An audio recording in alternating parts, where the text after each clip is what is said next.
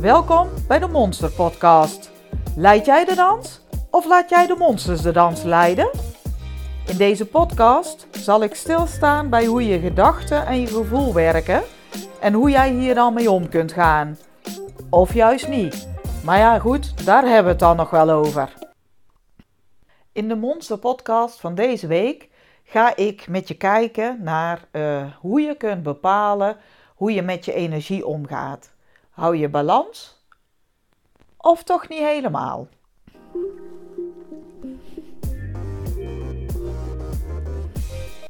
In de vorige podcast toen had ik het over uh, nee zeggen. En dan om vooral te kijken van wat uh, uh, kost mij nou te veel energie. Of wat kan ik op dit moment niet zo goed erbij hebben.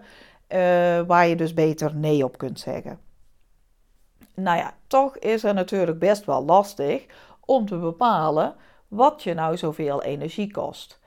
Uh, want je wilt het in principe voor iedereen goed doen. En dat snap ik ook.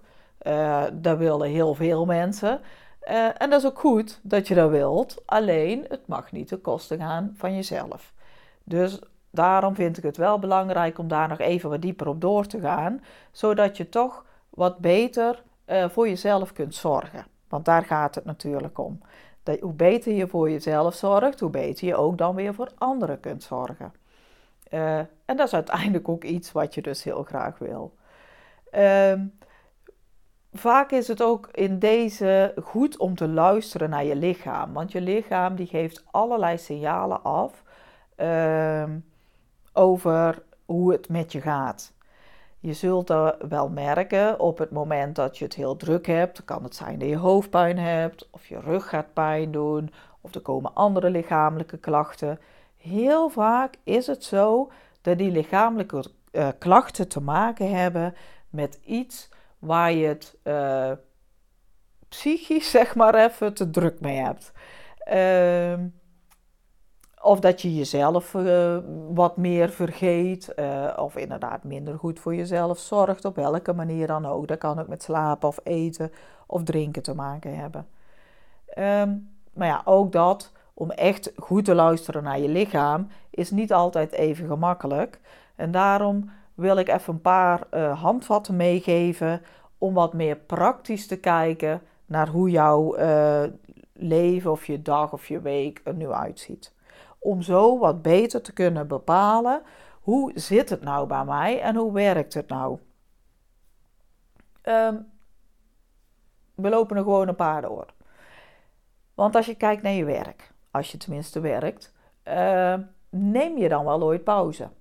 En wat voor pauze neem je dan? Hè? Want ik bedoel, je kunt wel pauze pakken en snel een kop koffie bij het koffiezetapparaat nog even opdrinken, even ondertussen kletsen met je collega over het werk is anders dan als je of die koffie pakt en even ergens anders gaat zitten uit je werkruimte. Uh, en daar eh, met andere mensen over andere dingen praten dan werk. Dat is echt wel een verschil. En soms is het misschien zelfs beter om even naar buiten te lopen of een wandeling dan te gaan maken of iets anders te gaan doen. Als het in ieder geval maar echt pauze is van je werk. Want we kunnen heel makkelijk doorgaan. Nog even een telefoontje opnemen. Oh ja, ik zie dat er een mail binnenkomt. Want dat is natuurlijk met de mobiele telefoon van nu. De pingelt weer iets en we kijken. En dat kan ook een mail zijn. En dan heb je zoiets van: oh ja, die kan ik wel gauw even antwoorden. Terwijl je eigenlijk pauze hebt. En dat is wel belangrijk om die balans daar continu wel in te houden. Want als je steeds maar in je pauze doorgaat, dan ben je jezelf aan het overvragen. En dat is niet handig. Want hoe vaker je jezelf overvraagt, hoe vermoeider het lichaam wordt. Die kan er helemaal niet bolwerken. Die heeft daar nodig om af en toe inspanning en af en toe ontspanning te hebben. Dus zorg dat je die pauzes echt pakt. Dat geldt natuurlijk ook voor thuis. Want hoe is het daar? Als je thuis bent, ben je dan echt thuis? Heb je ook wel ooit tijd voor jezelf? Want ik bedoel, het kan best zijn dat er thuis een eh, partner is of kinderen zijn die altijd wel iets van je willen hebben. Of willen praten, of iets nodig hebben, of samen iets willen doen. Op zich maakt het allemaal niet uit wat. Maar het is wel goed om te kijken, word ik continu opgeslokt door alle dingen die in huis en om huis gebeuren? Of kan ik ook momenten echt voor mezelf pakken? Dat echt even met een boekje ergens ga zitten. Of dat ik even op mijn telefoon ga zitten. Of dat ik even ehm, iets ga doen wat ik zelf heel graag doe. Uh, uiteindelijk kan dat, uh, ja, kun, je, kun, je, daar ideeën genoeg in bedenken volgens mij. Uh, al is het soms ook lastig omdat je al zo gewend bent dat er alles overgenomen wordt. Maar kijk wel even, hoe ziet nou jouw week eruit op het moment dat je thuis bent? Echt voor jezelf zijn, dat is echt voor jezelf zijn. Dat is echt zonder andere mensen, zonder bemoeienissen, zonder wat dan ook, doen wat je zelf wil. En dat hoeft niet lang te zijn. Het is ook goed als je dat maar even doet, maar als je die momenten maar pakt. Je hoofd telt daar ook in mee. Want je kunt wel zeggen, ik pak even een moment voor, voor mezelf. Maar als je dan je hoofd niet stil kunt zetten, omdat hij allemaal bezig is met wat er allemaal nog meer moet gebeuren, of wat er morgen op het werk gebeurt, of wat dan ook, dan ben je nog steeds niet echt in die ruststand, wat wel goed is voor je lijf en je hoofd om te doen. Want continu in actie, dat is niet goed.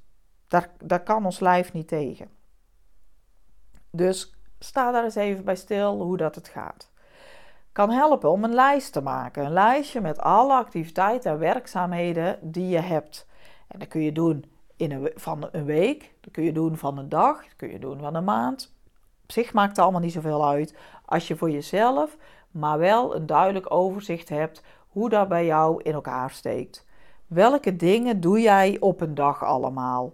En bedenk dat daar alles bij hoort. Hè? Ook die was die in het machine moet. Ook de kleren van de kinderen die je klaar moet leggen. Ik noem nou maar een aantal dingen. Ik, bedoel, het kan van alles zijn. Ehm, maar op het moment dat je die lijst gemaakt hebt met alles wat, daar, uh, wat je gedaan hebt, dan kun je nalopen voor wie heb ik al die dingen gedaan. Want dan is dat veel makkelijker om dat te bekijken. Heb ik die dingen voor mezelf gedaan of toch vooral voor iemand anders? En ook daar, wees eerlijk. Want het kan zijn dat je zoiets hebt, ja, maar dat doe ik ook voor mezelf. Ik wil zelf ook schone kleren hebben, dus die was moet gewoon aan. Dat klopt, daar heb je gelijk in. Maar toch zit daar vaak zijdelings wel ergens ook druk van een ander bij. Want is het dan zo dat je verder geen kleren meer in de kast hebt liggen? Of kan het zijn dat je toch liever dan bijvoorbeeld net deze aan wil? Kan. En dat zijn keuzes. Die mag je maken. Maakt allemaal niet uit. Maar als je er maar bewust van bent dat het soms dan net plus, plus, plus te veel is. En daar zit het hem dan in. Hè? Maar die heb je denk ik inmiddels wel in de gaten. Um, vorige keer had ik het dus over het nee zeggen.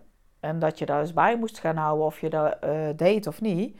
En nou ben ik benieuwd, hoe vaak heb je nee gezegd? Of heb je toch ook wel vaak ja gezegd? Ook niet erg, maar kijk dan bij die ja. Was dat voor jezelf of was het toch vooral voor die ander? En ben ook daar eerlijk naar jezelf. En kijk dan ook achteraf, hoe was dat dan dat je dat gedaan hebt? Want vaak is het achteraf makkelijker om te zien hè, of het je veel energie heeft gekost of niet. Vooraf kun je zeggen, ja, dat moet toch, dat hoort er toch bij en dat kun je toch niet maken. Dat kan, maar achteraf kun je beter beseffen, hmm, het was eigenlijk toch wel te veel. Dus sta daar maar eens eventjes bij stil uh, en kijk even die dingetjes na waar je ja hebt gezegd en hoe dat uiteindelijk echt uitgepakt heeft voor je. Moest je toen harder rennen om naar de winkel te gaan bijvoorbeeld? Of viel het allemaal wel mee? Het kan allemaal. Als laatste uh, de gevoeligheid van prikkels. Dat is ook echt een belangrijke. Is niet voor iedereen hetzelfde, maar er zijn gewoon mensen die gewoon gevoeliger zijn dan anderen. En het kan zijn dat je dat niet echt door hebt, want heel vaak staan we daar niet bij stil. Maar let maar eens eventjes op, op uh, het, het zicht, op het zien. Uh, vind je heel snel dat er iets te licht is? Of heb je last van als het te donker is? Kan allemaal. De een heeft gewoon meer last van licht dan de ander. Maar dat kan altijd wel een effect op jezelf hebben. Want als je het te fel vindt, het te fel licht vindt, dan gaat je lichaam wel op reageren. En dan kan het zijn dat je uh, daarin ook al een stukje overbelasting aan het opbouwen bent. En dat is natuurlijk ook mee horen. Want er zijn mensen die heel snel afgeleid worden door allerlei omgevingsgeluiden. Muziek die aanstaat, of allerlei mensen die aan het praten zijn. Het kan allerlei verschillende geluiden zijn in de omgeving. Sommige mensen hebben al last van het geluid wat een uh, computer of een laptop met zich meebrengt, dat blazen zeg maar. En dat is inderdaad geen hard geluid, maar ja, als je daar last van hebt, dan heb je daar wel last van. Daar kunnen we niet onderuit. Um, en dan hebben we natuurlijk ook nog de geur en de smaak. Dat zijn twee dingen die vaak minder aan de orde zijn, omdat mensen daar meestal niet zoveel last van hebben. De geur kan wel hoor. Want ik bedoel, als je gevoelig bent voor allerlei geuren die overal hangen, dan kan het best wel veel vragen van jezelf. Want die moet je toch allemaal verwerken, al die geuren die je oppikt. En dan kunnen er echt veel en veel verschillende zijn. En de ene is een lekkerdere geur dan de andere. Um, en de smaak is hetzelfde. Als je heel heftig reageert op smaak, ja, ook daar moet je mee omgaan. Daar heb je iets in te verwerken. En dat is niet altijd even makkelijk. Maar als je kijkt naar gewoon al mensen om je heen, aanraking, sommigen vinden dat helemaal niet prettig. Hoe dichter dat ze bij zijn, hoe lastiger dat ze het vinden. Of als mensen hun aanraken zonder dat ze dat vragen. Sommigen die doen dat gewoon heel snel. Ja, dat kan, dat hun dat fijn vinden, maar dat wil niet zeggen dat jij dat ook zo vindt. Maar let daar eerst maar eens even voor jezelf op. Hoeveel impact heeft dat nou op jou?